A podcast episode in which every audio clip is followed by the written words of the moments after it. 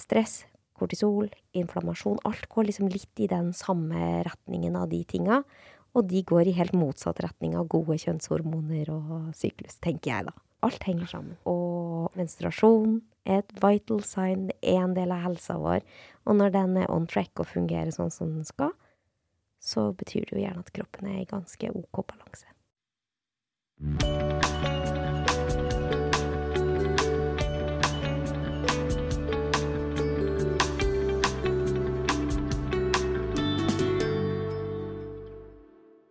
Hjertelig velkommen til podkasten Leger om livet. Mitt navn er Anette, og jeg jobber som lege.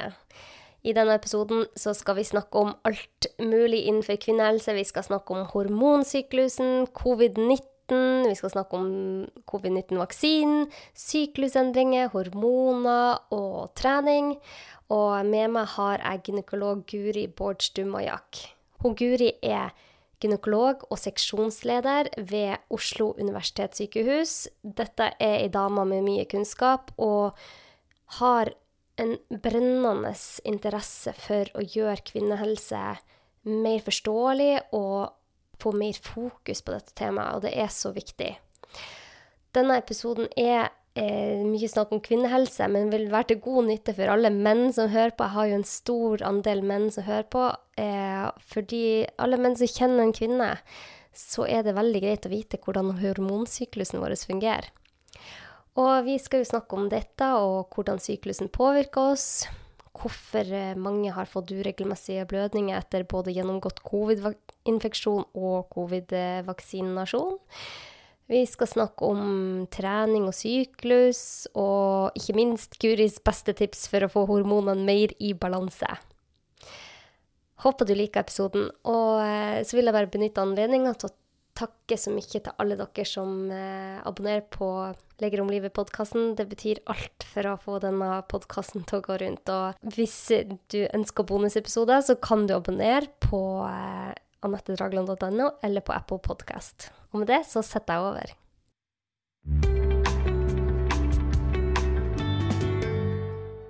Ja, som jeg sa i introen, hun Guri Bårdstu Majak er jo spesialist i fødselshjelp og kvinnesykdommer, og overlege på gynekologisk avdeling ved Ullevål sykehus, der du også er seksjonsleder.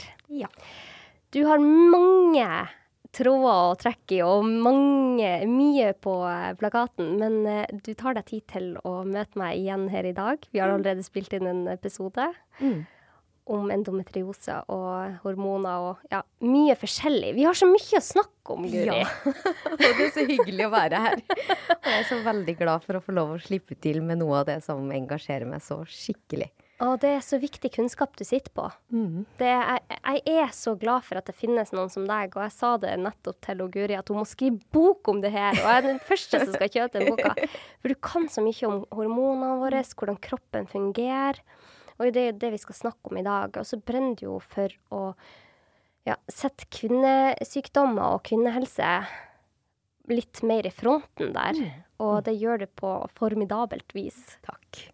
Jeg syns jo at det er liksom av respekt for alle intelligente, kloke, flotte kvinner rundt omkring som eh, som sikkert gjerne skulle ha forstått litt hvorfor ting er som de er, og hvordan, hvorfor fungerer man som man gjør.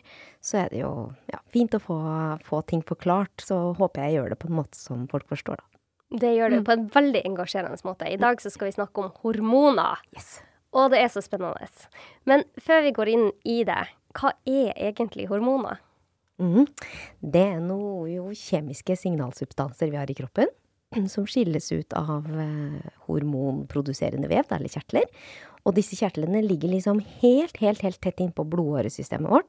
Så de sender disse signalsubstansene rett ut i blodet, så vi kan måle de godt med blodprøve, f.eks.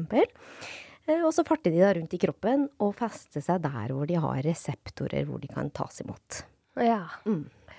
Så har vi jo en hel drøss med hormoner i kroppen, og så er jeg skikkelig glad i de som har med kvinner å gjøre. ja, for hvordan er vi kvinner og menn skrudd sammen forskjellig? Det er jo mange ting, men hormonmessig. ja.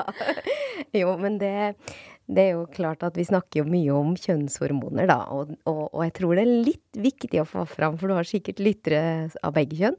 Ja. Eh, menn har også østrogen.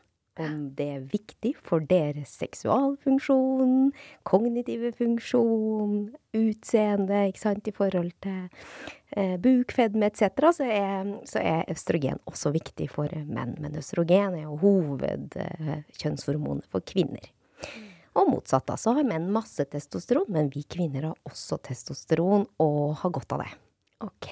Mm. Sånn at vi, vi deler jo på, på hormonene. Men vi har det bare i litt ulik grad og litt eh, ulike mengder reseptorer fordelt uh, i kroppen. Ja. Så da blir vi forskjellige. Og så er menn har vel mm, De går mer etter en 24-timersklokke, mens vi går etter en 28-dagersklokke. Ja, et eller annet sted mellom 28 til 35 hvis man slår opp hva er liksom en vanlig syklus. Men det er klart at eh, den kan variere, variere enda litt mer enn det. Ja. Så noen har, ned til, noen har ned til 22 dager. Ja. Og noen har eh, 40-41, så det der er forskjellig. Ja. Mm. Men eh, OK, da skal vi gå inn i hormonsyklusen til Mm. en kvinne. Og for alle menn som hører på, så tror jeg dette blir en viktig prat for dere òg. For alle som har kvinner i livet, trenger å vite hvordan vi er skrudd sammen. Ja. Men hvordan eh, fungerer egentlig hormonsyklusen vår? Kan vi gå fra A til Å? Mm. Nå er det sånn at vi teller alltid liksom syklusen fra første dag i menstruasjon, eller første dagen man får blødning, og helt til neste gang man får blødning igjen. Det er liksom syklusen. Ja. Så når vi damer, jenter, får mens, så er vi ganske på det laveste hormonmessig. Nå har vi nevnt østrogen, men vi har også et annet hormon som heter progesteron, som vi skal komme inn på. Og begge de to er lave under menstruasjon. Ehm, så etter hvert da, så vil jo det lave nivået eh, gjøre at kommunikasjonen tar seg opp opp mot hjernen, for det er der sjefen sitter. I den podkasten her så har det vært snakka mye om HPA-aksen, altså hypofyse, hypotalamus, hypofyse og binderebark. Nå er vi på hypotalamus, hypofyse, ovarier eller eggstokker, HPO. Mm. Så den sløyfa, eh, hvor de som er sjefene i hjernen vår, de er jo sjefer over alle andre hormoner også. men- Hypotalamus og og hypofysen. hypofysen, ja. Mm. Eh, men de senser jo at det er lave hormonmengder, og da eh, går det ut noe fra hypofysen som heter follikkelstimulerende hormon, FSH. Og det er et hormon som rett og slett stimulerer eggmodning. Okay. Det sendes ned til eggstokken. Der vi er født med helt fantastiske mengder egg. Rundt 300 000 har vi med oss fra fosterlivet inn i, inn i jentelivet, kvinnelivet vårt. Og det er jo ikke alle disse det skal bli noe av, men de ligger da som klynger, kohorter, eh, hvor det er mer enn ett som begynner å modnes når denne FSH-en stiger.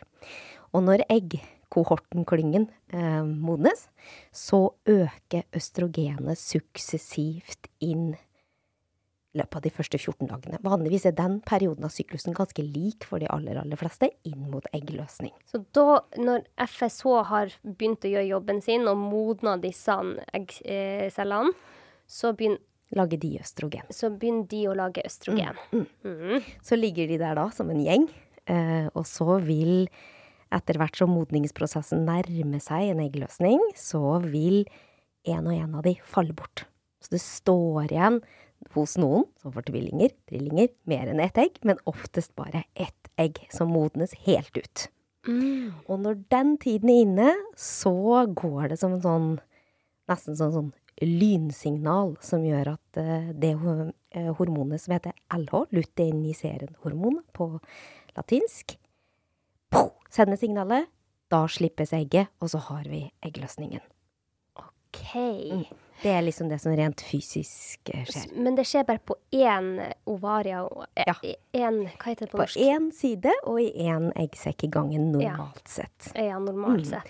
Og dette er det jo sånn at eh, mange kan kjenne Å, nå var det på høyre side. Fordi når den eggsekken har blåst seg ordentlig opp, så ligger den jo, som jeg sa, i tilknytning til blodårer. Eh, og de kan sprekke også, og kommer det litt blod ut i maven og bukhinna, så blir den litt irritert. Så mange kjenner, i hvert fall kanskje noen kjenner det mer når de har det på den venstre siden enn på den høyre, men man kan fint kjenne når dette skjer.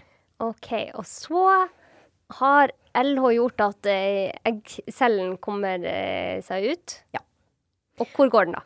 Da er den inni magen, faktisk. Og det er det ikke sikkert alle har tenkt over. Fordi den sædcellen som skal møte egget hvis det skal befruktes, den har også en lita vei å gå. Hele veien ut gjennom livmoren, eggledere og ut, og for å møte eggcellen på et eller annet sted der.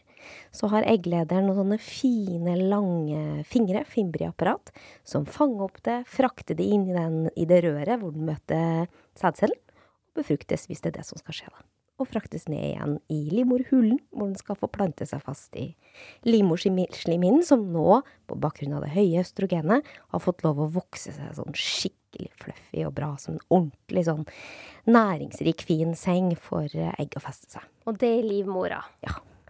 Mm. Jeg blir nesten helt rørt ja, når du sier det. Som er, det som, og det skal vi snakke litt grann, sikkert mer om etterpå, fordi at det er også mye som skjer, og mange merker jo det inn mot eggløsning. Fordi det er ganske kraftig 500 ganger økning i hormonmengde på østrogen fra mens til eggløsning. Ikke sant? Det er en hormonøkning som er kraftig, kraftig, og mange kjenner det jo. Um, I tillegg til at vi får en bitte lita dæsj med testosteron inn mot eggløsningstidspunktet, så den kommer også som en sånn topp. Ja.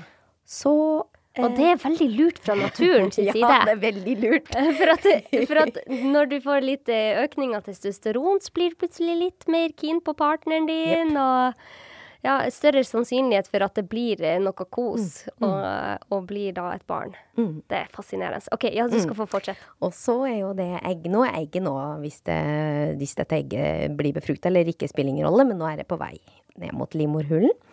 Eh, og da sitter den tomme eggsekken igjen. Og den er hovedstedet hvor det lages progesteron.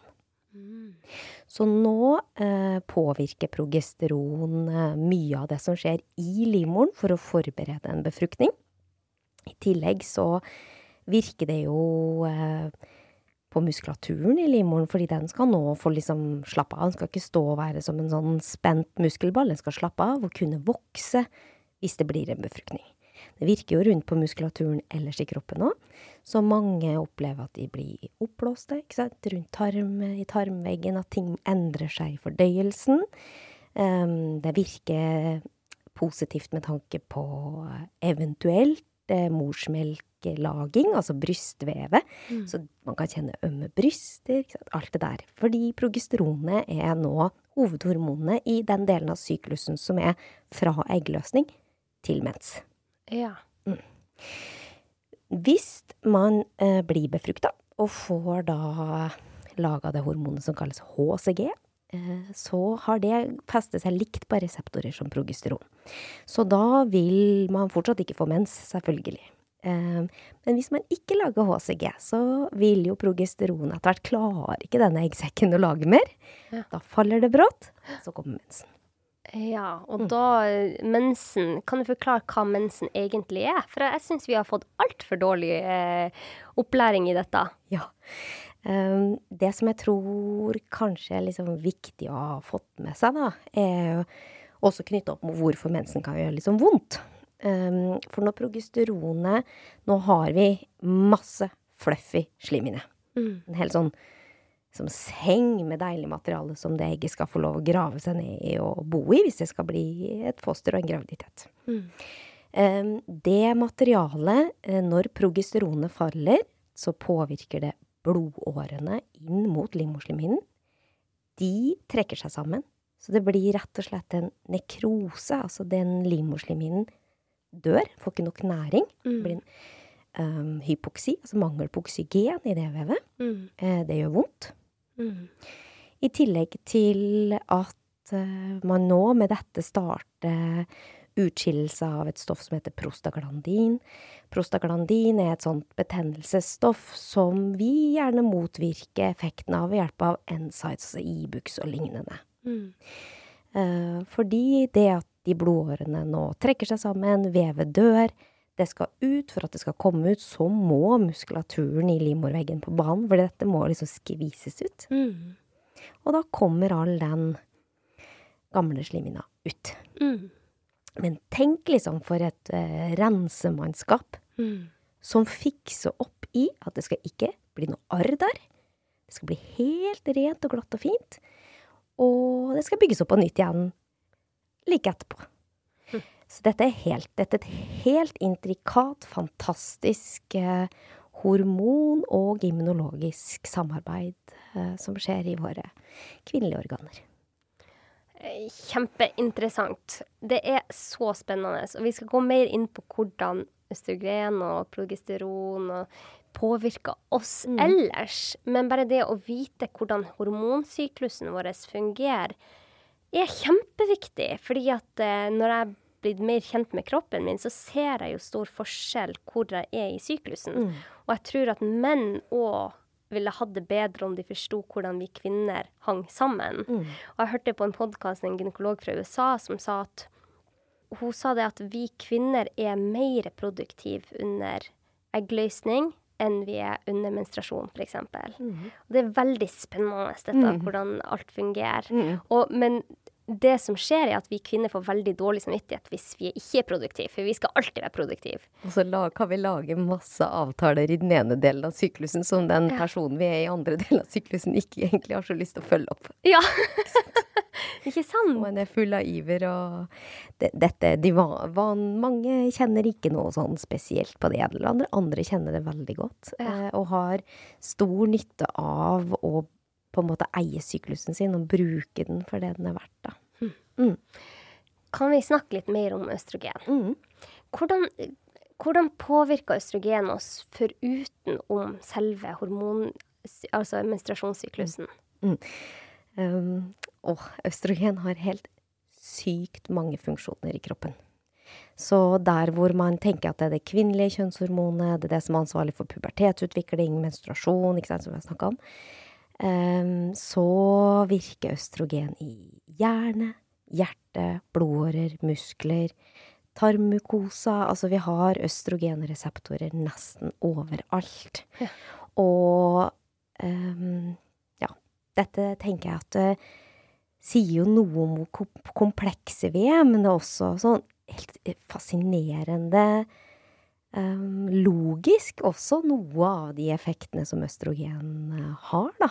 Det er veldig beskyttende for eh, hjertehelsa um, til kvinner i fertil alder, eller der hvor man produserer østrogen, så har man eh, mye lavere sjanse for en del hjertesykdommer enn sammenligna med menn. Mm. Så der har vi en veldig beskyttende effekt. Det påvirker selvfølgelig eh, det med, med blodets koagulasjon. Vi skal jo ikke blø i hjel når vi har mens, eller når vi skal føde barn, så der har det en stor effekt. Eh, det er mm, anabolt når det gjelder muskulatur. Hva betyr anabolt? Bygge opp. Mm. Så, så um, Og det et, eh, har et supert samspill med det immunologiske systemet vårt med tanke på tilheling, med tanke på risiko for infeksjoner. Eh, og i hjernen så er det særlig reseptorer for østrogen i eh, hippocampus, altså hukommelsen vår. Og i amygdala, prefrontale cortex. Så viktige eh, kognitive funksjoner, der sitter det masse østrogenreseptorer. Og det har, østrogen har også da vist å ha en um, beskyttende effekt med tanke på aldring i hjernen. Så det, så det beskytter på en måte hjernecellene, gjør at de blir sterkere, mer robuste. Mm. Det er sikkert Så- derfor veldig mange som kommer i overgangsalderen, sier at de får, merker de får dårligere hukommelse. I en periode, i hvert fall. Jeg har lest én studie hvor, eh, hvor man har klart å se at eh, kvinner rundt eggløsning, når østrogen er høyt, er mer veltalende Oi! enn ellers.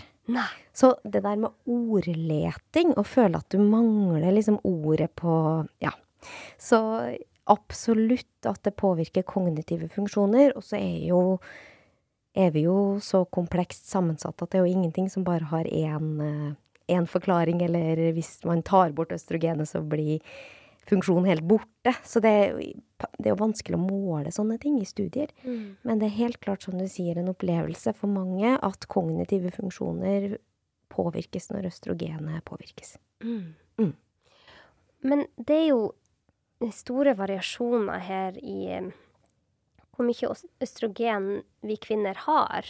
Ja, Det er litt fint du tar opp, fordi det med begrepet østrogendominans er jo et begrep som er mye liksom brukt i, i uh, populærlitteratur, skulle jeg si. Mm. Det er ikke et begrep vi bruker, for man har egentlig ikke mye østrogen.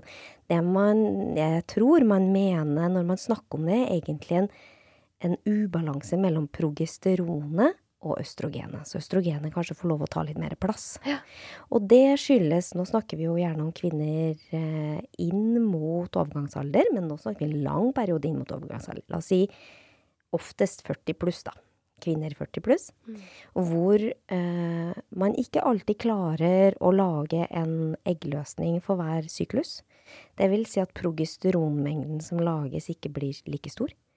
Og det vil si at man kan få kraftigere blødninger, fordi den slimhinnen som har nå fått lov å blomstre under østrogenet, den blir ikke dampa like mye som den skulle blitt av progesteronet. Mm. Og så eh, vil man jo kunne oppleve at det er østrogenet som får lov å dominere i kroppen, men uten at det er målbart noe høyt. Det bare er en balanse som er forskjøvet. Mm. Men, mm. eh, men, østrogenet påvirker jo også hvordan eh, energinivået vårt er. Mm. Og det er jo litt fascinerende.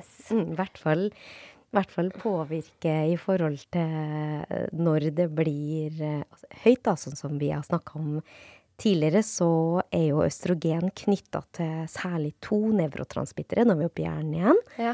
Og det eh, serotonin oppgraderer reseptorene for serotonin, så man kan ta imot mer av serotoninet, som er et sånn nevrotransmitter eller et signalstoff som gjør at vi føler oss bra. Mm. Eh, og også dopamin. Og dopamin er en sånn signalstoff som gjør at vi får liksom pågangsmot og får motivasjon til å få utført ting. Ikke sant? Dytter du på litt testosteron på det, så det er mange som syns at de føler seg på topp akkurat rundt eh, eggløsningen.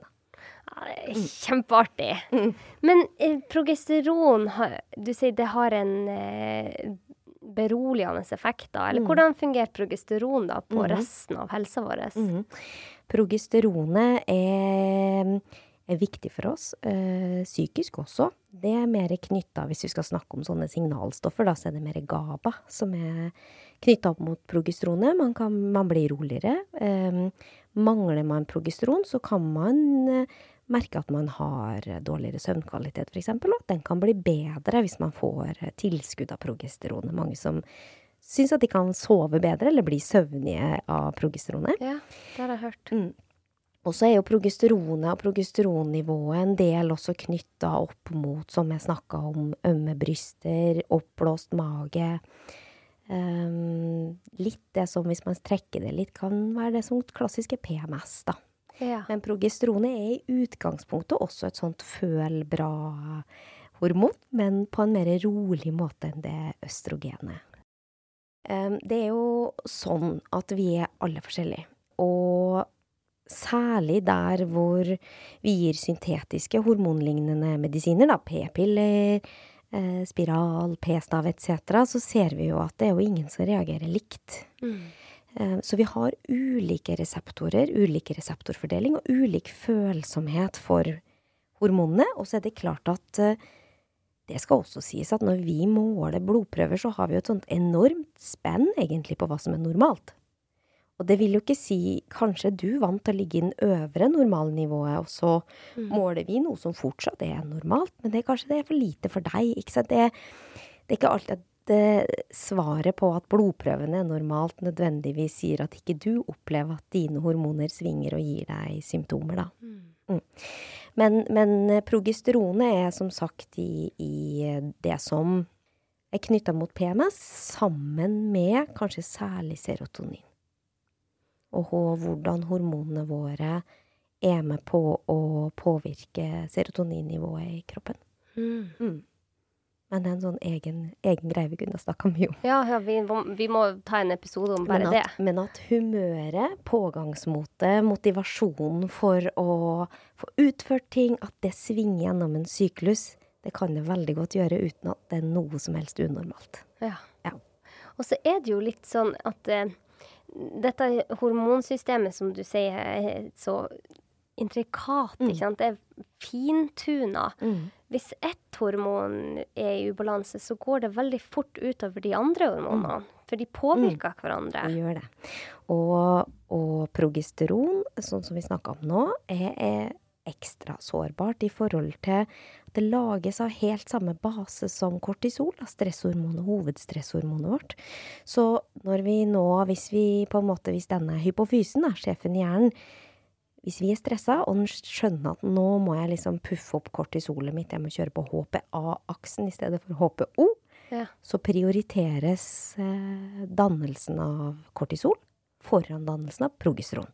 Da blir vi igjen lavere på progesteron i relasjon til østrogenet, og det kan gjøre at man får endringer i syklusen sin, både blødningsmengde og varigheten av syklusen. Og i tillegg til hva man føler på, selvfølgelig. Eh, Så, så stress det påvirker jo ikke bare hvordan vi føler oss eh, psykisk, men det påvirker jo vår fysiske helse. Ja. Stresset påvirker, kan påvirke hormonsyklusen, er det det du sier? Mhm.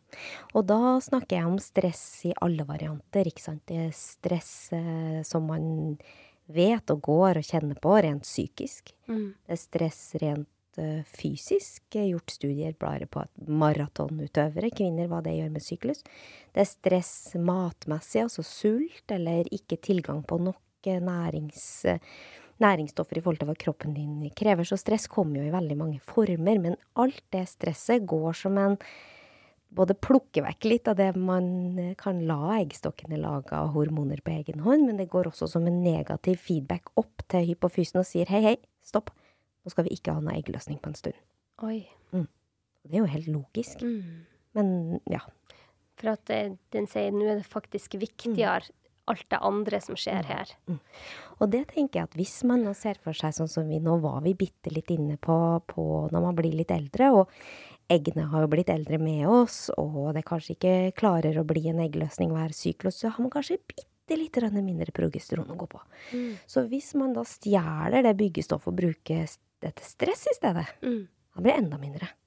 Man blir kanskje mer sårbare for stress når man blir eldre. òg. Man tåler mer trøkk når man er unge i forhold til å føle seg ok fortsatt, og syklusen går som en klokke for noen, òg, ikke sant. Så tåler man mindre når man eh, blir eldre, og det er lettere at det blir rusk med syklusen. Så de bruker samme byggeklosser. Jeg må Mm. bare poengtere det. Ikke sant? De bruker, ja. ulike hormoner bruker samme Mm. byggeklosser, og vi har ikke nok byggeklosser plutselig hvis vi er, har veldig mye kortisol, veldig mye stress. For, i, og stress på ulike måter, som du sier, fysisk eller psykisk eller ernæringsmessig. Det, alt det stresset fungerer som På samme det måte samme, inn- på samme måte i kroppen. Mm. Og det gjør at det kan tulle med syklusen vår. Mm. Mm. Og det er veldig mange kvinner. Jeg får så mange spørsmål om jeg kan ha en episode om stoffskifte. Mm. Det er veldig mange kvinner som plages med stoffskiftet sitt. Mm.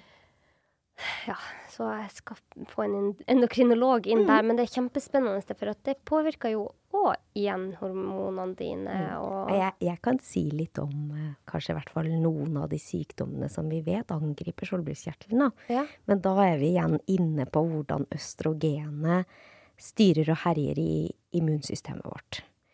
Um, kvinner har mindre sannsynlighet eh, for å bli på en måte akutt syke. Det har vi jo sett i den pandemien som har vært er at eh, kvinner blir mindre alvorlig syke enn menn. Og det knytter man veldig opp mot østrogenet. Det kan vi ta litt etterpå. Men i hvert fall, så når man dypdykker inn i Og dette skulle jeg ønske at jeg kunne gjøre enkelt, men det er skitvanskelig. Eh, Fordi østrogenet kan virke på, på både liksom å puffe i gang inflammasjon og eh, immunologisk reaksjon, og det kan motvirke det. Men når det gjelder immunsystemet vårt, og særlig det som heter B-celler og T-celler, Mm. eh, som mange kanskje har hørt om, så er det jo noen av de autoimmune sykdommene vi har, Mm. som drives mer av B-celler, og noen drives mer av T-celler. Mm. Og det man har sett, at bl.a. når det gjelder skjoldbruskkjertelen, så eh, vil østrogen og høyt østrogennivå, det vil fremme i et gitt miljø autoimmune sykdommer som er B-celleaktivert. Og det er bl.a. skjoldbruskkjertelen. Og vi ser det gjerne i relasjon til svangerskap også, hvor østrogen har vært kjempehøyt. Nettopp. Mens T-celle-autoimmune sykdommer, Mm. nå forenkler jeg det litt da, men de forhindres litt av et høyt østrogen. Så de kommer gjerne først når man har kommet i overgangsalderen og mista østrogenet sitt. Mhm. Kort fortalt. Mm. Det er veldig interessant det her med autoimmune sykdommer og graviditet. For det er veldig mange som blir bedre av sine autoimmune Mm. Nettopp. sykdommer. Ikke sant? Sånn at vi har, et, vi har et østrogen nå som jobber liksom i med mange tilstander og gjør det bedre, og i Ja. andre tilstander ikke. Ja. Men vi er jo altså Hvor fantastisk er det ikke at vi kan ha et genetisk forskjellig vesen fra oss boende i kroppen vår? Mm. Og det å samtidig være kjempe på vakt for infeksjoner og ytre agens, det samspillet som immunsystemet og, de kvinnelige kjønnshormonene har, er jo helt overlegent hvordan de klarer å balansere de to tinga. ja. Mm. Det, det er så finjustert, det her eh, systemet. Mm, mm. Eh, Når vi ja. snakker om alvorlig covid-sykdom, så har sikkert mange fått med seg det begrepet cytokinstorm, um, Mm. som er den mer immunologiske reaksjonen på den infeksjonen som har vært. ja. Og det er der østrogenet går inn og kuperer den cytokinstormen. Sånn at vi kvinner har mindre sannsynlighet for å få den, det alvorlige forløpet i etterkant av en covid-infeksjon. eh, Mindre sannsynlighet enn menn, da.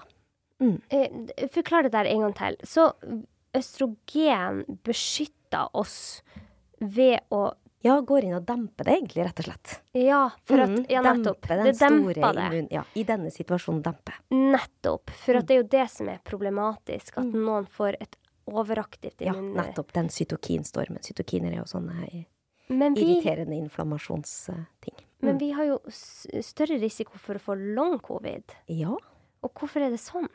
Vet du det? spekulasjon.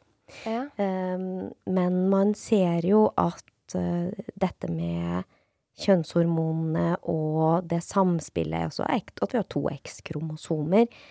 Vi vet jo at kvinner har en større risiko for autoimmune sykdommer. Så vi har et immunforsvar som er ekstremt eh, finstemt, jobber på lag når vi skal bli gravide etc., men så er det kanskje for overaktivt i andre enden. Det blir blitt sånn toegga sverd. ja. Um, og gjør at vi er mer utsatte for autoimmune sykdommer, da. Mm. Uh, og det er vel litt i den retningen man kanskje tenker på long covid nå, i forhold til at kvinner er overrepresentert der i forhold til menn. Mm. Mm. det er ikke helt mitt spesialfelt, Nei. men det er i hvert fall det jeg har klart å lese meg til. Ja, det er veldig interessant, Mm. for at vi har et um, på sett og vis bedre immunforsvar enn menn. Mm. Eh, men Det er litt hissigere også. det er også. hissigere, og det er jo det autoimmune sykdommer er, at de går jo løs på friskt eget vev. Mm. Og vi vet kanskje ikke nok om long covid ennå, men det er jo mange spekulasjoner Mm. her om Mm. at kanskje det er en autoimmunitet inne i bildet. Vi vet ikke det. Mm. Og det er jo fascinerende, i hvert fall for meg, å se at eh, man har diskutert østrogen som en del av akuttbehandlingen for alvorlig covid-sykdom, også for menn. Fordi man vet at østrogen kan være med å ta ned den kraftige inflammasjonsreaksjonen Mm. som er årsaken til at mange blir så syke, lange, langvarig, ordentlig alvorlig, intensivkrevende syke. Mm. Så der er østrogen eh, tatt opp. Og så ser vi igjen, når vi ser på symptomene på long covid, så ligner de jo veldig på mye av det som oppleves hos de som blir alvorligst plaga av overgangsalder og mangel på østrogen. Mm. Så det ligner litt. Både det kognitive, det er studier som viser at man kan få økt dyspne, altså økt tungpust, bare av mangel på østrogen, faktisk.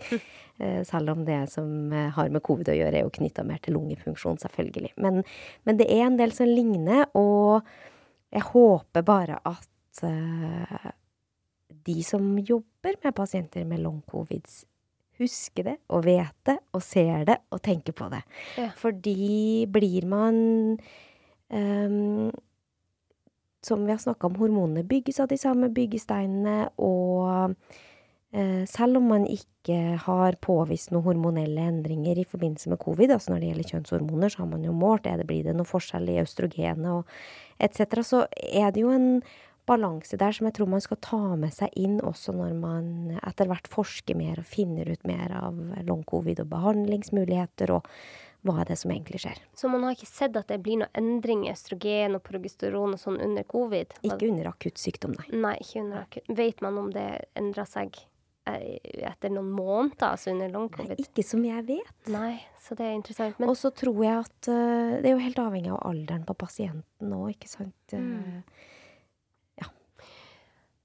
det, det er veldig interessant. Mm. Og jeg har jo utrolig mange jeg kjenner som har fått uregelmessig menstruasjon, både av covid og av vaksinen. mm.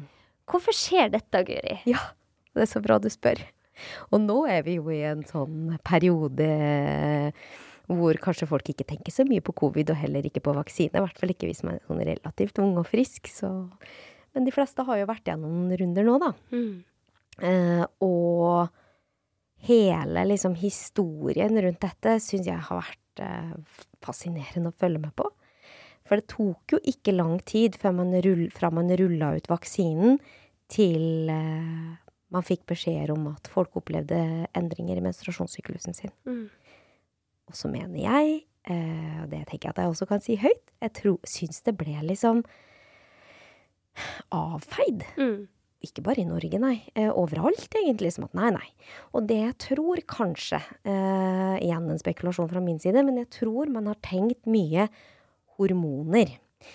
Nei, man har sett på ingredienslista på vaksinen, man har sett hvilke tilsetningsstoffer som har blitt tilsatt vaksinen, og det er ingenting der som skulle tilsi at dette skulle ha en hormonell effekt for verken kvinner eller menn. Og det er jeg helt enig i. Eh, Men der- derfra til å si at det ikke skjer, viser seg jo helt feil. Ja. Og heldigvis så har man jo på en måte gått litt tilbake etter hvert og sagt jo, jo, kanskje er det noe her. Det ble jo så utrolig mange som sa fra verden over om dette. Og, og etter hvert en stor bekymring rundt at kanskje den største gruppa av eh, de som ikke ville ta vaksine, var unge jenter. Kvinner Mm. Mm. som, som opplevde kanskje en mistillit overfor helsevesenet når du ser at noe skjer med din egen kropp, og opplever å ikke bli trodd. Mm. Så blir man jo sittende og søkende på nettet, ikke sant. Og så blir det en veldig grobunn for uh, mange rare teorier på hvorfor ting skjer. Mm.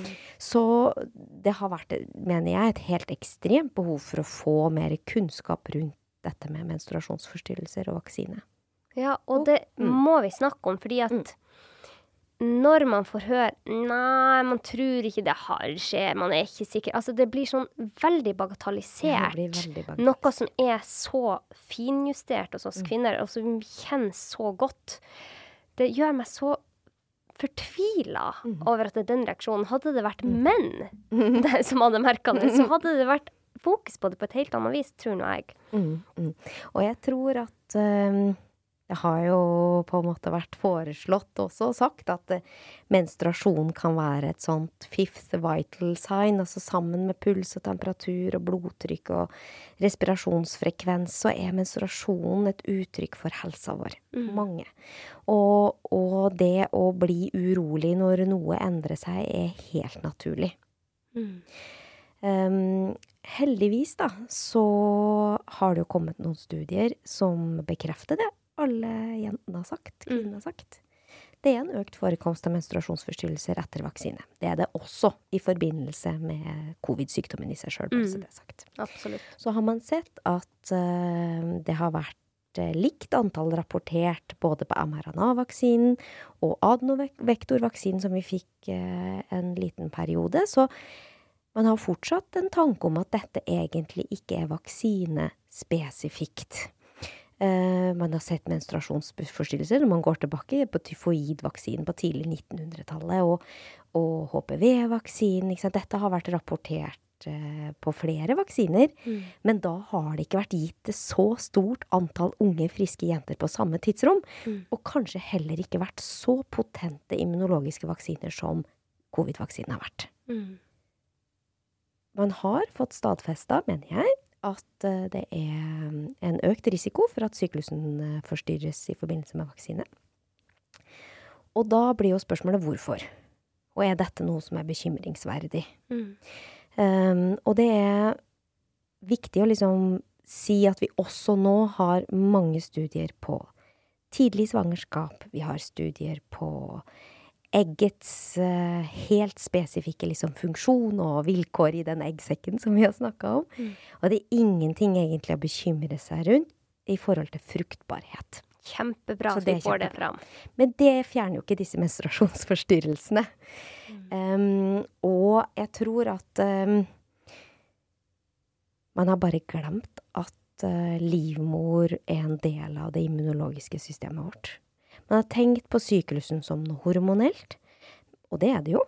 Men det er også et hormonelt samspill med et helt intrikat immunologisk system som fungerer i livmoren hver eneste syklus. Mm.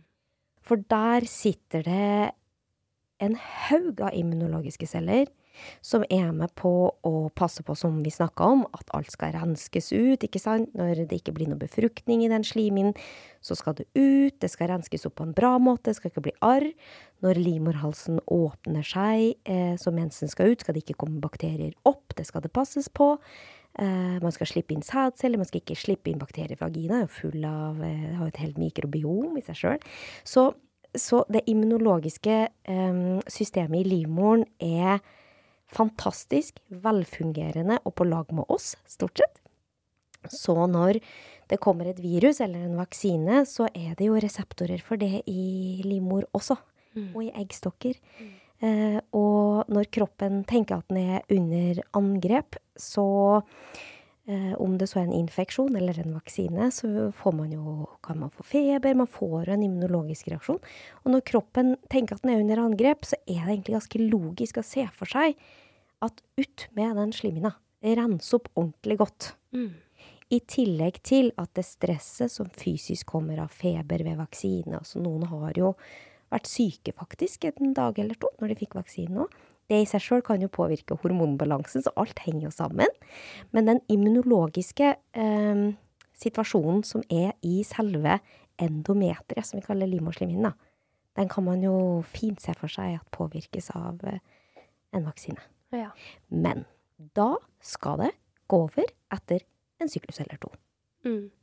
Da er det noe som skjer der og da. Hei sann, nå kom det et eller annet inn i kroppen min, vår. Vi må rense opp, ordne opp, få det bort, slik at det er friskt og fint igjen til neste runde med eggløsning og mulighet for graviditet. Mm. Så det skal jo fort igjen opp og gå og bli normalt igjen, og det er jo det som skjer for de aller fleste. Men så er det jo noen det ikke skjer for, og så er det noen som får blødninger etter at de har slutta å blø, som er etter overgangsalder. Så det er jo noen hvor dette blir mye mer alvorlig for, da, tenker jeg. Mm. Som vi ikke vet helt ennå. Mm. Men for de aller, aller fleste så viste det seg at det går over. For de fleste så vil jeg si at uh, sammen med vondt i armen og feber og alt dette vi vet, ikke sant, når vi gir vaksiner til barna våre, så vet vi jo at de kan bli syke, så er dette med at det neste syklus kan endres, Mm. tenker jeg like naturlig. Og hvis man ser på det på den måten, så er det å forvente. Så hvis den syklusen du er i når du får vaksine er ekstremt viktig for deg med tanke på på å bli gravid, så skal man kanskje vurdere, ikke sant. Man må jo bare vite om det på forhånd, så man får en mulighet til å vite at jo, men nå blir kanskje neste syklus endra. Ja. Um, når, når, eh, når, ja. Så jeg tenker at det, det er liksom bare noe med å være informert om at dette, på mange, for de aller fleste, er en del av den naturlige immunologiske reaksjonen på en uh, god vaksine. Ja. Men så er det da de hvor dette fortsetter og fortsetter og fortsetter. Og da må man søke hjelp. Mm. Man skal ikke ha tålmodighet eh, med endra blødningsmønster eh, noe mye mer enn én eller to sykluser. Men hva gjør man da? Da For da er jo eh, systemet i ubalanse på et eller annet vis. Mm. Og så kan det jo være at den blødningen du opplever, eller den menstruasjonsforstyrrelsen du opplever i relasjon til vaksine, skyldes noe helt annet. Mm. At det bare sammenfaller i tid. Så det er viktig å ikke, ikke skylde alt på Ikke skylde alt på å, jeg er så stressa for eksamen, eller ikke, ikke skylde alt på alle mulige forklarende faktorer hvis det varer over tid. Da må man søke hjelp. Og da er det jo fastlegen eller eh, en gynekolog som kan eh, sjekke ut at alt er som det skal. Mm. Mm. Veldig glad for at vi tar en prat om dette. Mm. Så det kan skje både etter vaksinen og under covid. Og det er jo Mm. veldig mange som Og merker det. andre alvorlige Og- sykdommer. Og andre sykdommer. Man kan jo få hormonforstyrrelser av en influensa. Altså Mm. det er, men det er veldig greit å vite hvorfor. For Mm. med en gang vi vet hvorfor, så blir det litt mer trygt. Og for, altså, da forstår vi det på en annen vis, et annet vis enn når man hører politikere som sier ja, det Kanskje, kan, kanskje ikke. Kanskje, kanskje ikke. Nei, det er ikke noe problem. Altså, man, med en gang man får kunnskapen rundt det, så blir det mindre konspirasjonsteorier. Mm. Det blir mer forståelse. Mm. Det er så viktig å få ut den kunnskapen. Og det eh, som, som jeg tenker liksom Vi har jo hatt en anelse om at vaksiner kan ha den effekten, men det var jo ikke på noen registreringsskjemaer når man rulla ut vaksinen. Så dette ble, ble jo ikke registrert, det ble ikke tenkt på. Eh, og det gjør at ting kommer litt treigt i gang, da.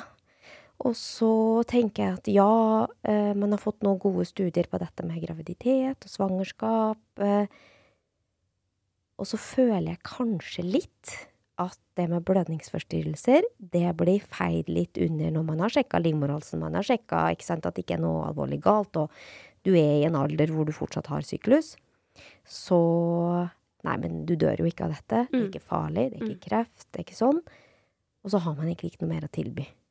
Og så står kvinnen der fortsatt med samme problemet. Det varer og det varer. Og i hvert fall mitt inntrykk er at en forstyrra syklus, blødninger hele tida, av og på, helt uten den rytmen du er vant til, er veldig alarmerende. Det er stressfullt i seg sjøl. Mm.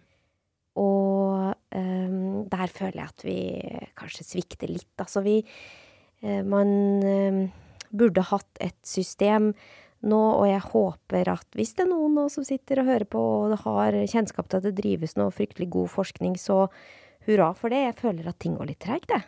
Mm, jeg vet. Det var lovt ut mange millioner i USA, og der skjer det sikkert ting også, hvor man skulle forske på livmorslimhinnevev. Man må se på denne immunologiske reaksjonen som jeg nettopp nevnte, som er en plausibel forklaring, og kanskje er det den som nå er helt off, da.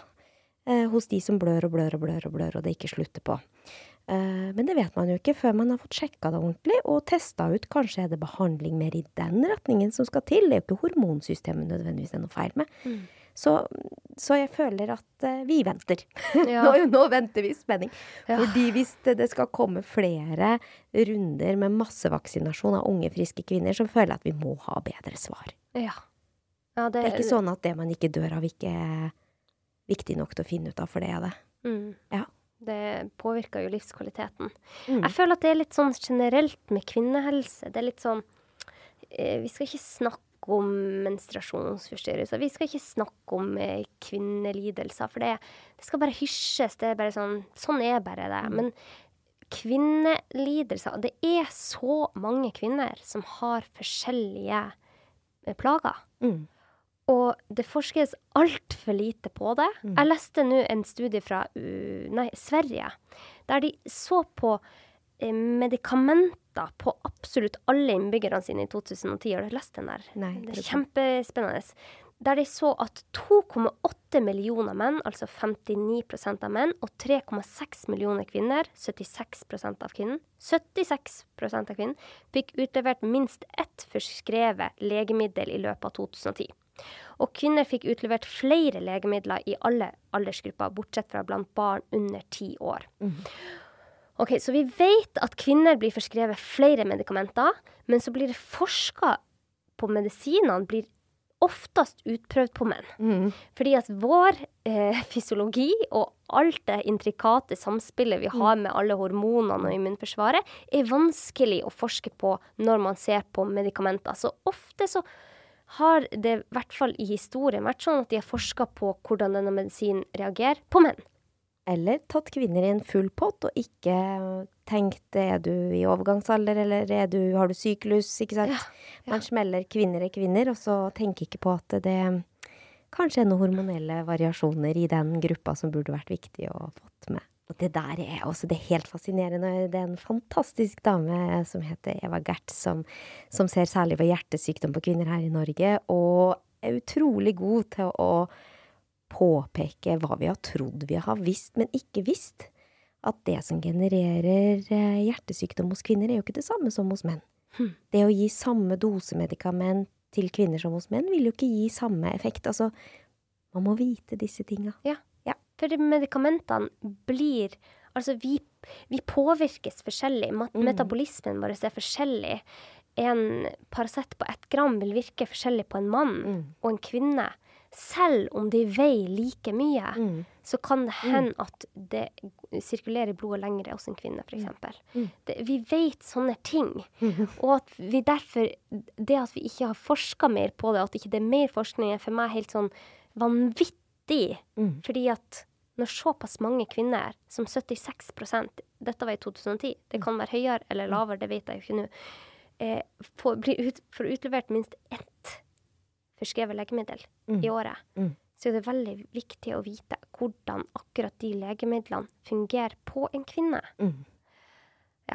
Det, så det var bare et lite det- hjertesukk fra meg. Ja. Nei, og jeg, jeg tenker liksom i Legemiddelverket nå, tilbake til det med covid-vaksine og menstruasjonsforstyrrelser. I sommer så var det registrert over 8000 innmeldte eh, saker rundt menstruasjonsforstyrrelse etter vaksine. Og jeg tror ikke det er 8000 som har hatt forstyrrelse med en flytt av en dag eller to i den ene syklusen de hadde etter vaksinen. De tror jeg ikke sender inn dette. Nei, nei, nei. sant? Så man må jo tenke at dette er de som er noe mer plaga enn det.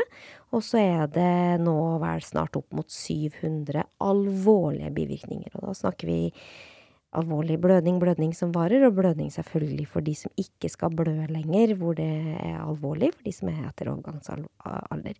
Så selv om jeg tror dette antallet som er meldt inn, er mye, mye lavere enn det som kanskje er reelt, da. I hvert fall når man ser på andre land og hvor man har fått inn meldinger, så, så er det likevel et stort antall, da. Mm. Over 8000. Og hvor skal de gå? Hvis Og det er de som registrerer det. Ja.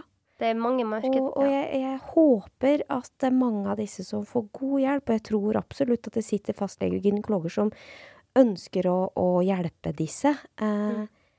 Men vi burde jo eh, vite mer, helt, helt liksom evidensbasert, på hvorfor skjer dette, og ikke minst hvordan skal vi klare å behandle det når det oppstår. Mm. Hvordan skal vi hjelpe disse til å få tilbake den syklusen de hadde før. Ja, det, det er spennende tider fremover, altså. Mm.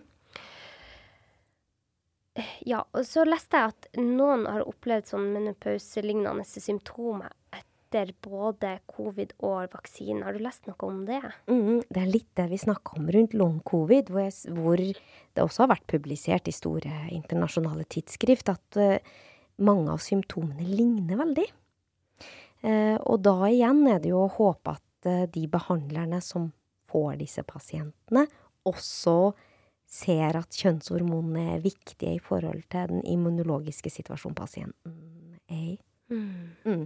Så eh, i Sverige gjør mye bra sånn epidemiologisk forskning. Altså vi har jo samme type reg store registre som det vi har, og kjører ut store forsknings, eh, forsknings, forskningstall på befolkningsnivå. Da, og der har de også sett på 15 000 ca. kvinner som hadde covid, og så har de, sett på de med brystkreft som går på det som heter aromatasehemmere. Det vil si de går på en medisin som hemmer det enzymet som lager østrogen. Mm. Og så har de sett på de som ikke tar hormontilskudd etter overgangsalder, og de som tar hormontilskudd etter overgangsalder. Og dødeligheten er markant, for, signifikant forskjellig i disse tre gru- gruppene. Oi. Hvor de som har østrogen, har det best. Så igjen tilbake til det Ja. vi snakka om. det, det Kjønnshormonene våre har mye å si inn mot vår immunologi. Så det er viktig å at man har eh, et samarbeid og noen tanker som omfatter hele kroppen og systemet når man skal se på langvarige plager, da. Mm. Mm. Og det går jo igjen i alt. Ja. Vårt system henger sammen. Ja. Ta-ra, liksom. Ja, det, ta-ta. er- Det er signalstoffer i hjernen, og det er muskler og hud og vev og tarm og Ja. livmor og livmorhals. Men Og det er jo derfor det er viktig å se på helheten når det Mhm. kommer til et problem. Mm. Der er du kjempegod, Guri. Så da har vi fått snakka litt om covid-vaksinen og covid. Det kan påvirke menstruasjon. De aller fleste, heldigvis, går tilbake til normal menstruasjon hvis de blir plaga. Noen får langvarige plager, og de er viktig at får hjelp Mm. og tar kontakt med Mm. helsevesenet. Og blir du møtt med gaslighting Mm. eller bagatellisering, så eh, prøv å nå fram til et- et annet sted, for det er Mm. kjempeviktig. Det er viktig at det er viktig at man ganske så raskt, hvis syklus vedvarende har endra seg, enten i blødningsmengde eller blødningsmønster, at man får det sjekka. Fordi som sagt, øh, ting kan sammenfalle i tid. Mm. Eh, og så er det sånn at det er mange som har blødningsforstyrrelser helt normalt òg. Det er en normal ting. Nå, menstruasjonssyklusen vår varierer fra vi er unge til vi blir eldre. Så det at den varierer med en dag eller to, og kan variere i blødningsmengde, er også normalt. Men det tror jeg de fleste egentlig har en følelse av. Eh, men for de som har eh, langvarige plager, selv om alt alvorlig er utelukka, så håper jeg at vi har et system som tar vare på de også. Fordi man må bare ikke underkjenne at det oppleves veldig plagsomt og eh, eh, stressende. Og eh, ja, det er alvorlig selv om ikke det er kreft. Mm. Mm. Takk for at du sier det. Et lite spørsmål før vi skal gå tilbake til hormonene.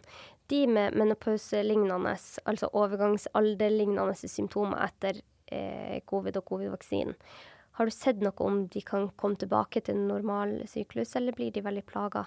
Vet du det? Nei, jeg vet ikke. Igjen så tror jeg det, dette er ting vi ikke har så mye gode data på. Mm.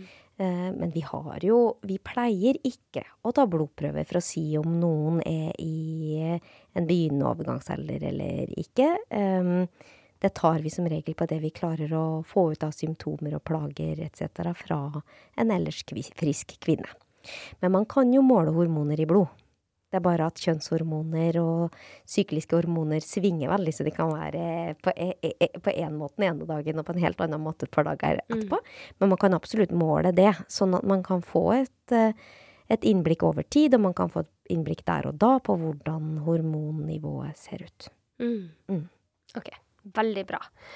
Ok, Vi skal gå tilbake til hormonsyklusen, for jeg har mange spørsmål. Ja, ja. Å nei, og tida fyker. Ok. Eh, det, vi vet at det er veldig mange som har hormonforstyrrelser. Mhm, Dessverre. mhm. Har vi sett noe Vet du noe om eh, hva som kan gjøre at vi får hormonene våre mer i synk? Er det noen livsstilstiltak vi kan gjøre? Mm, å, veldig godt spørsmål. Jeg, eh, vi har jo snakka litt om to ting så langt. Og det ene er stress, Mm. og det andre er inflammasjon. Altså at det, inflammasjon vil jo også på en måte gi en kortisoløkning, og igjen dytte ting over i den der HPA-aksen framfor HPO-aksen. Mm.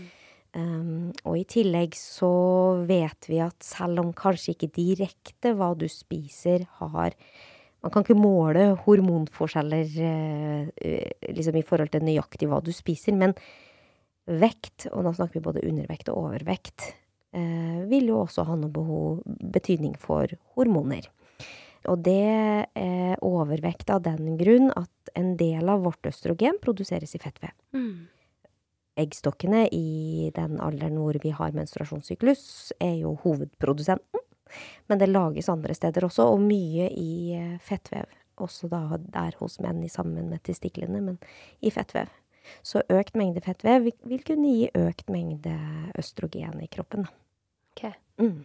Og forskyve den balansen som egentlig skal være ganske finstilt. Så det å, ha, å prøve å ha en normal kroppsvekt vil kunne være til hjelp hvis Mm. man har hormonforstyrrelser. Mm, det kan det absolutt. Mm. Mm. Og det er jo, nå er vi jo inne på en helt annen tilstand, men Men i forhold til polycystisk eh, ovariesyndrom, eh, så er jo vekt en viktig faktor å følge med på og diskutere, fordi man vet at det har med hormonbalansen å gjøre. Mm. Tenk at fettceller produserer østrogen. Ja. Jeg husker jeg lærte det på studiet. Jeg bare satt og gapte når hun sa det. Ja, Og det er kjempefint. Og det betyr jo at eh, når eggstokkene legger ned fabrikken, så er vi jo avhengig av å ha litt sånn fett på kroppen for å kunne opprettholde en fin eh, hormonbalanse. Mm, ja, og jeg har ofte tenkt på dette med damer i overgangsalder Mm. og eldre damer. De har jo ofte litt ekstra fett, og så har jeg tenkt det er sikkert naturens måte å fremdeles produsere estrogen på. Mm.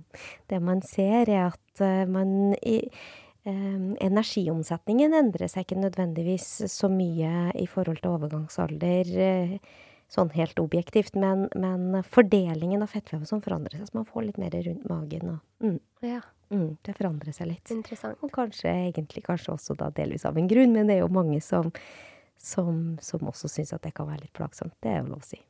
Men hvordan er det? Du snakka om inflammasjon nå. Så inflammasjon kan også føre til at du får økt kortisol. Så det å vi har, det, Denne episoden er det mye informasjon. Ja. Så bare spol tilbake hvis dette ble for raskt, og hør det på nytt igjen. Sånn at, for jeg, har, jeg og du har studert dette, og selv for meg som har lest meg godt opp nå før Mm. episoden, jeg har gått seks år på medisinstudiet, jeg syns det er komplisert. Det er veldig komplisert. Men kortisol, altså eh, stresshormonet vårt, det er jo bra for veldig mye. Men hvis det, vi går med kronisk forhøya kortisol, og det har jeg snakka om i flere episoder, Mm. så vil dette òg påvirke andre hormoner. Mm.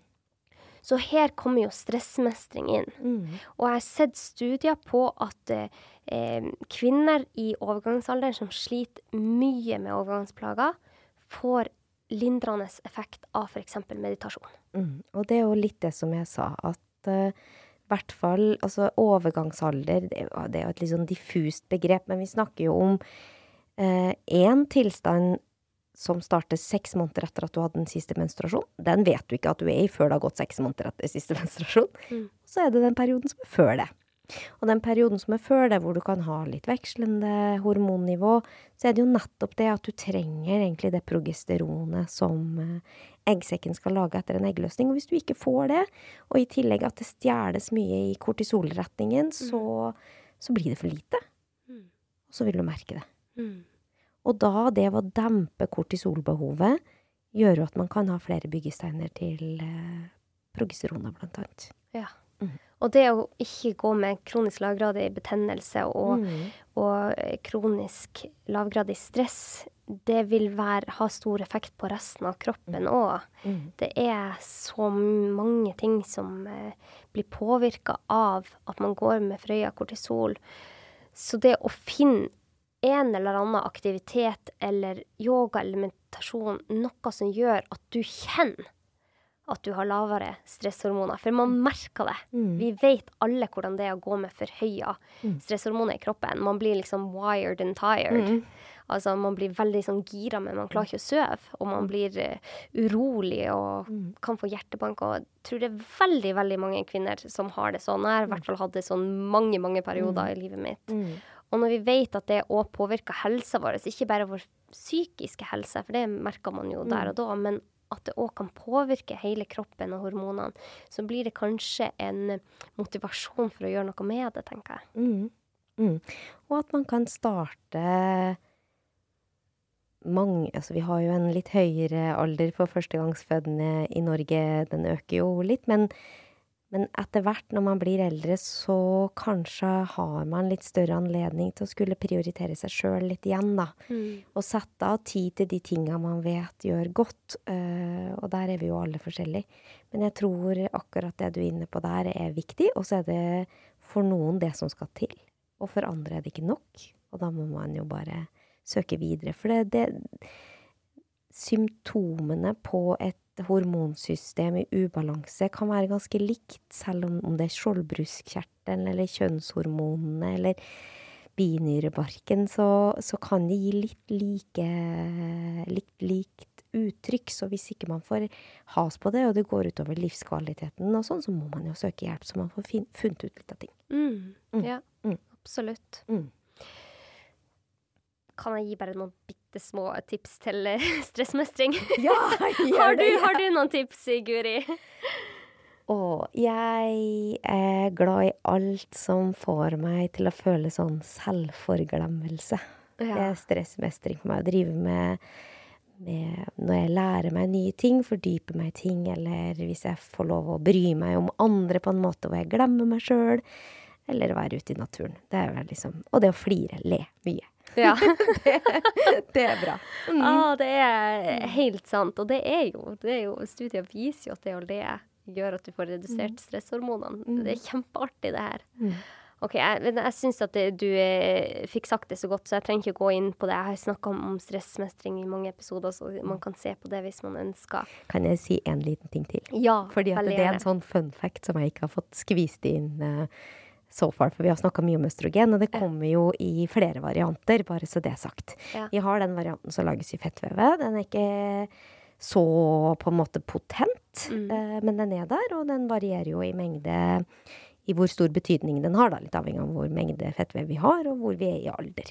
Og så har vi den som lages i eggstokkene, som heter østradiol. Det er liksom hovedøstrogenet vårt, da, egentlig. Men Det vi, mi, eh, hva det er de kaller det på engelsk?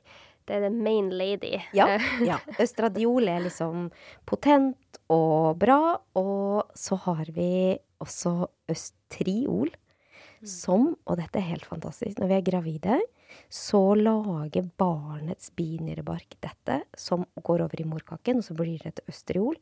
Og østriol er antiinflamatorisk. um, som man forsker på det i forhold til MS, f.eks., som er en sykdom som rammer flere kvinner enn menn. Om det kan være med å påvirke immunsystemet vårt. eh, Så hei, hei, liksom. Hei, Oi. Og alle som har gått gravide, har jo sett hvordan eh, brystvevet øker i, i størrelse og kjertler etc., ikke sant? Og der går østriolet inn og beskytter, sikkert med tanke på brystkreft, og at her skal vevet få lov å vokse i lynets hastighet i løpet av ni måneder, og, og være klar for å lage morsmelk og sånt noe, men beskyttes. Så babyen er med på å lage noe som? Beskytta hele Ja. Å, det er så fantastisk! Så det er altså, jeg tror det er noe Ja. Nei, det er helt fantastisk. Ja, det er det. Det er Hvordan vi funker, og hvordan østrogen er inflammatorisk når, når implantasjonen av svangerskapet skjer i livmoren. For da skal det jo lages nye blodårer, det skal feste seg fast, det skal være litt sånn irritasjon der. Mm. Og så, i andre trimester, så skal det være rolig, så da er det, da er det antiinflammatorisk. Og så øker det litt igjen. Eh, inflammasjonen mot fødsel, sånn at vi skal få rensa ut og ordna opp etter fødselen. Eh, og det samme hvordan østrogen påvirker smertereseptorene våre. Vi er normalt mer smertesensitive enn menn. Østrogenet gjør det sånn. Mm. Men når det er skyhøyt, sånn mot fødsel, ikke da. For da skal vi tåle smerte. Så kroppen er altså helt det, magisk. det, Den er magisk. Ja. Den er magisk. Og da tenker jeg jo litt på Jeg må jo nevne det, Guri. For at jeg vet at p-pillen har vært fantastisk for oss kvinner. Mm. Altså, uten p-pillen så hadde ikke vi kvinner vært der vi var i dag. På 60- og 70-tallet hadde ikke det, det er en av grunnene til at kvinner fikk gå, muligheten til å gå på universitet, for de var ikke hjemme og var gravid. Mm. Det er grunnen til En studie viste at, eh, at eh, p-pillen har vært med på å høyne lønna til kvinner med 30% fram til 1990. Det, altså, p-pillen har vært en revolusjon for oss. Mhm. Eh, men av og til så tenker jeg at p-pinnen har kanskje Den har gjort en sånn fantastisk jobb på mange måter, men at akkurat som andre medisiner, så tåles den bedre av noen enn andre. Mm. Mm. Og Og det finnes ulike varianter. det finnes heldigvis ulike mm. varianter, men jeg føler òg at det, vi har stått litt stille med tanke på forskninga på p-piller en periode nå. Em, og når vi vet at hormonsyklusen vår er så fintuna, og jeg ser jo selv hvordan det påvirker meg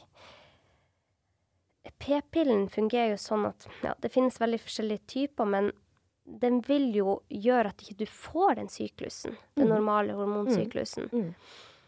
så jeg tenker at det er viktig at kvinner får vite dette, i hvert fall at de har muligheten til å ta et valg.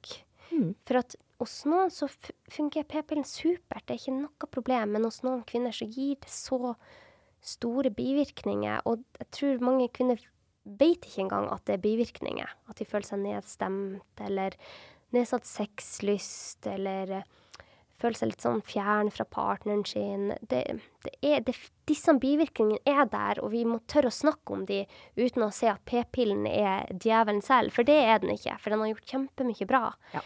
Og det er forskjell på tenker jeg, det, det er, For det første så starter man utskrivelsen av p-pillen på to forskjellige måter. Enten så er det prevensjon, Mm. eller så er det medisin.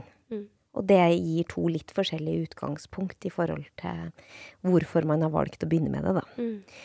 Uh, og så tror jeg at det er der det kanskje Så når det gjelder prevensjon, da, uh, så er det jo noe som kanskje forskrives mye også hos veldig unge jenter. Mm. Det er ikke å forvente at de skal kunne ha lest seg opp på all verdens fysiologiske mekanismer og muligheter for bivirkninger. Det er helsevesenet sitt ansvar å gi god informasjon og følge opp.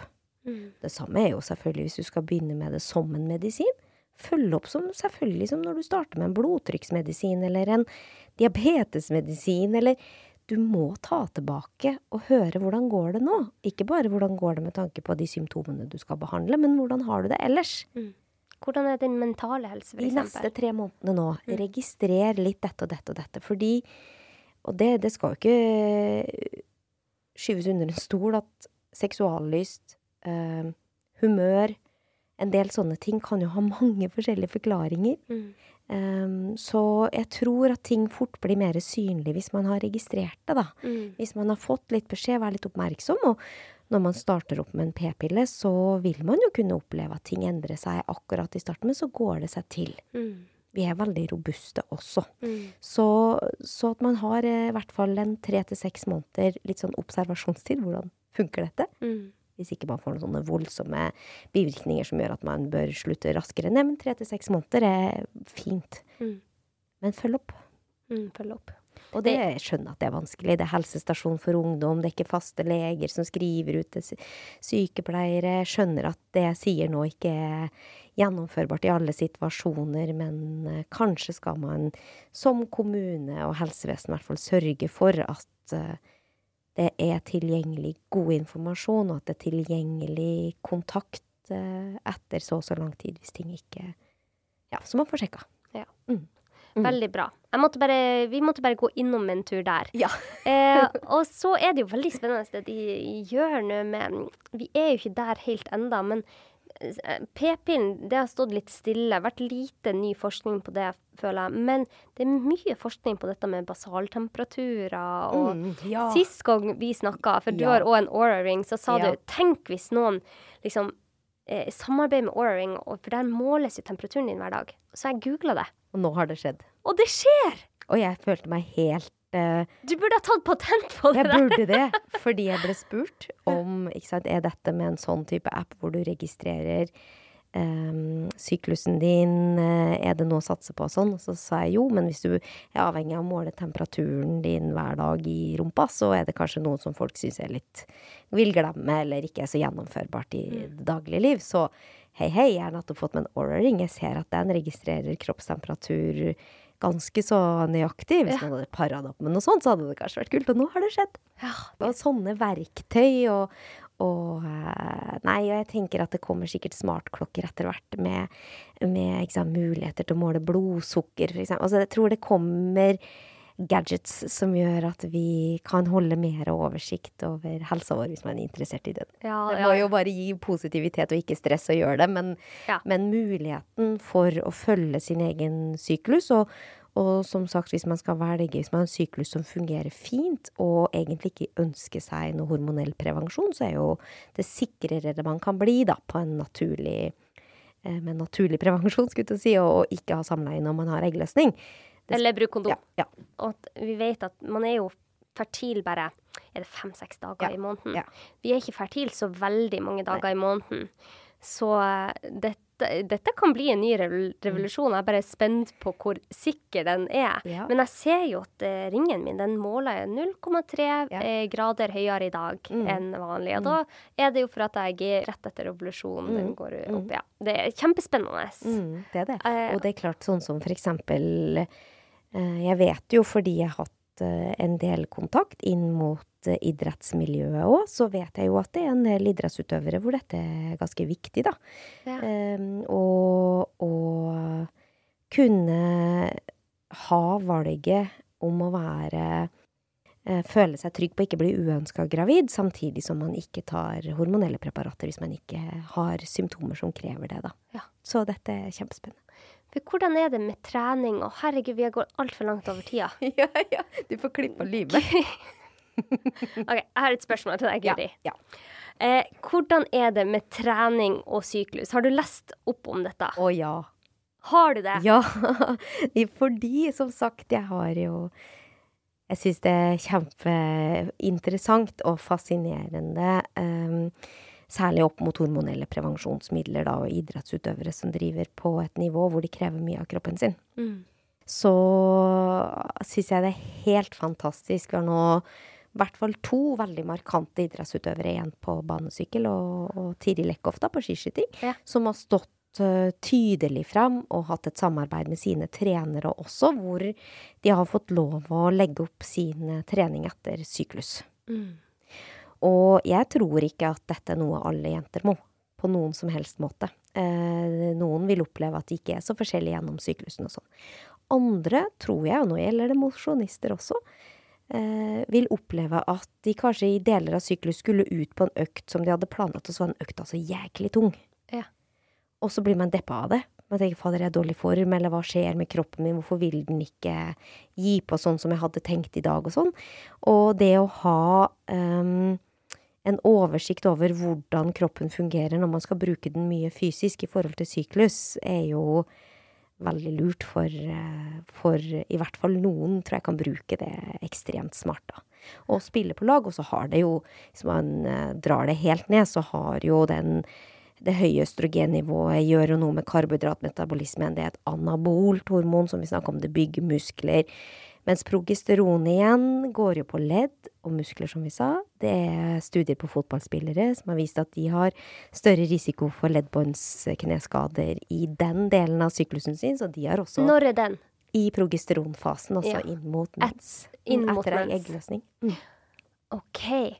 Eh, Så jeg, jeg skal ikke kom, altså Jeg tror at de som driver med toppidrett, har mye de tar hensyn til. Hvile, restitusjon, kosthold, alt, alt, alt. Eh, og fungerer det, så supert. Men hvis man har en følelse av at det er visse deler som alltid Altså kroppen svinger veldig, så kanskje gjør den det for det er helt naturlig.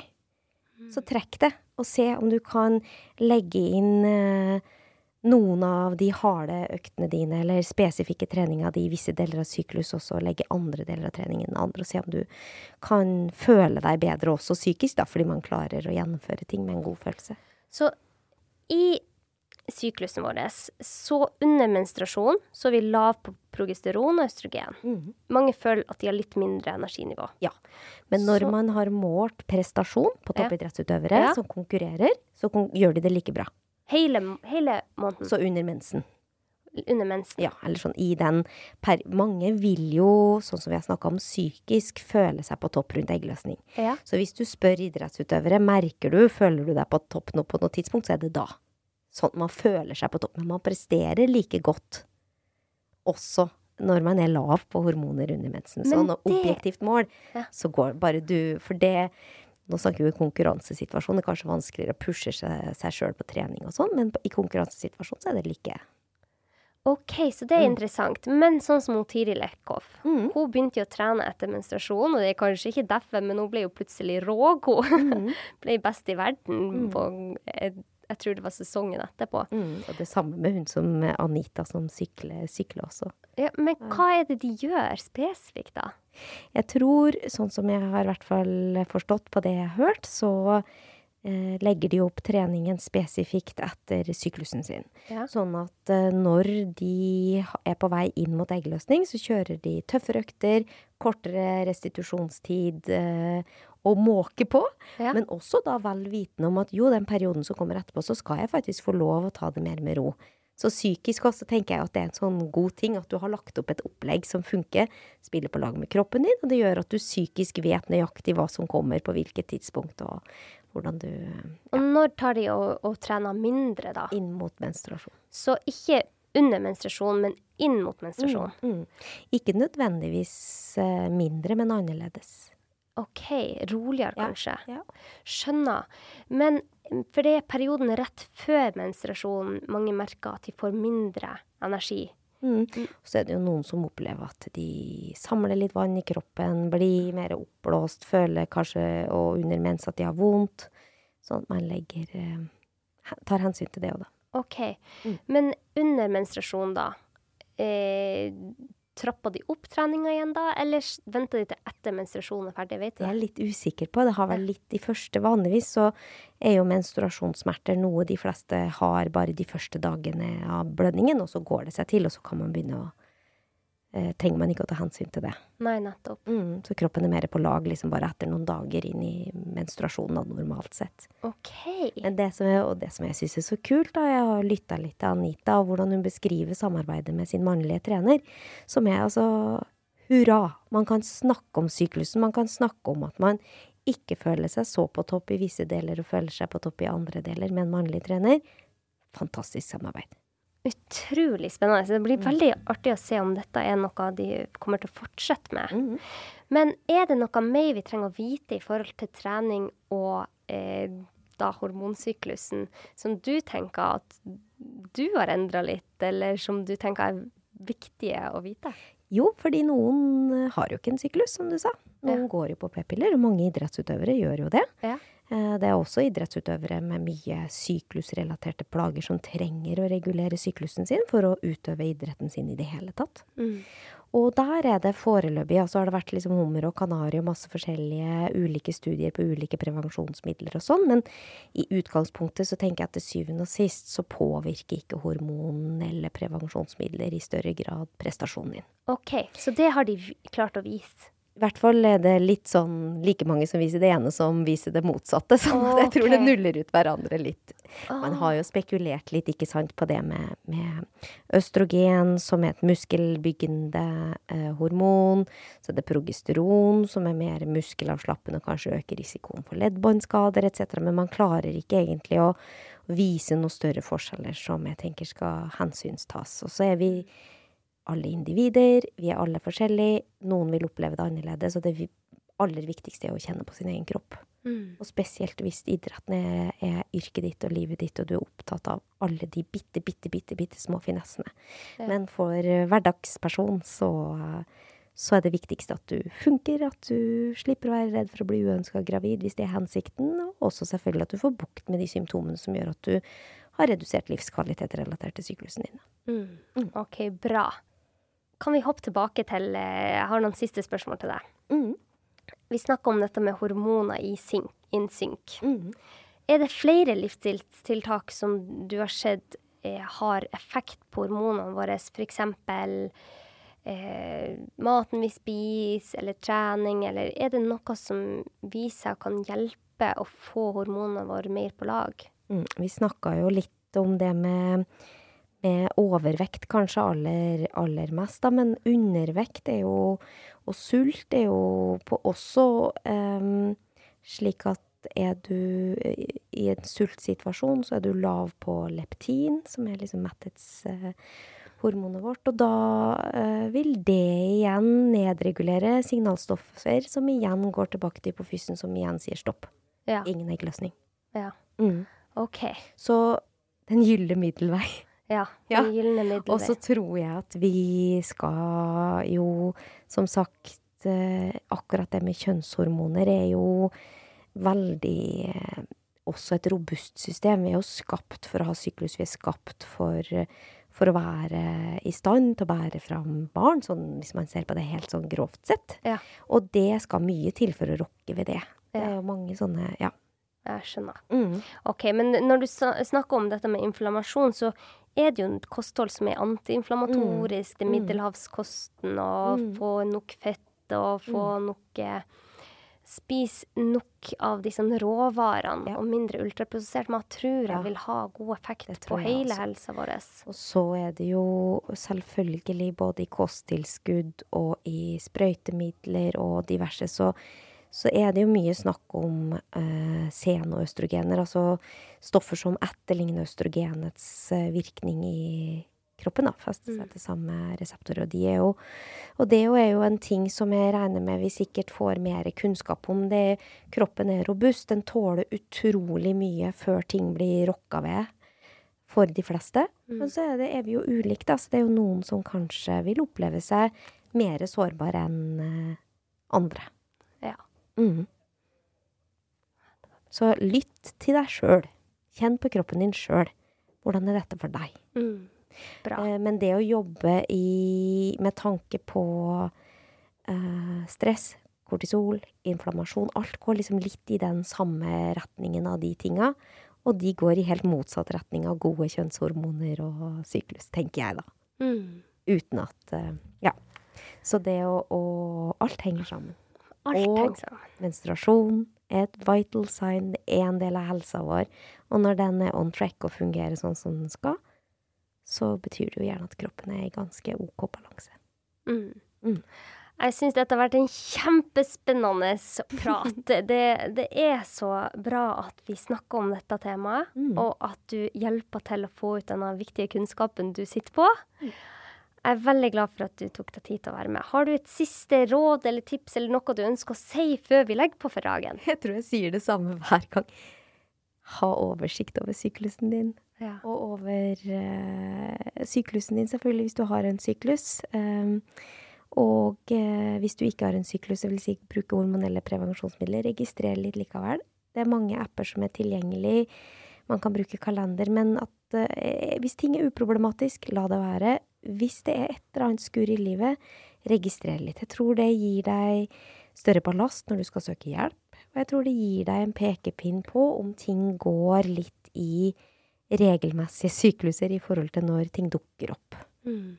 Og så kan du kanskje få en forståelse av at eh, ah, det er jo bare hormonene mine nå som gjør at jeg ikke orker dette, eller er mer sårbar, eller et eller annet. Og da vet jeg at det går over veldig snart. Og så er det, i stedet for å bli sint på kroppen, så vær glad og lykkelig for at den faktisk er et så finstemt eh, maskineri, og spille på lag med den. Mm. Og det er så mye Vi vi er kan. ikke menn. Vi er ikke nødvendigvis alle av oss på samme gir hver dag, syv dager i uka, 24 timer. Vi er litt annerledes, og det tror jeg vi skal bare elske. Veldig godt sagt. Da takker jeg så mye for at du ble med i dag, Guri.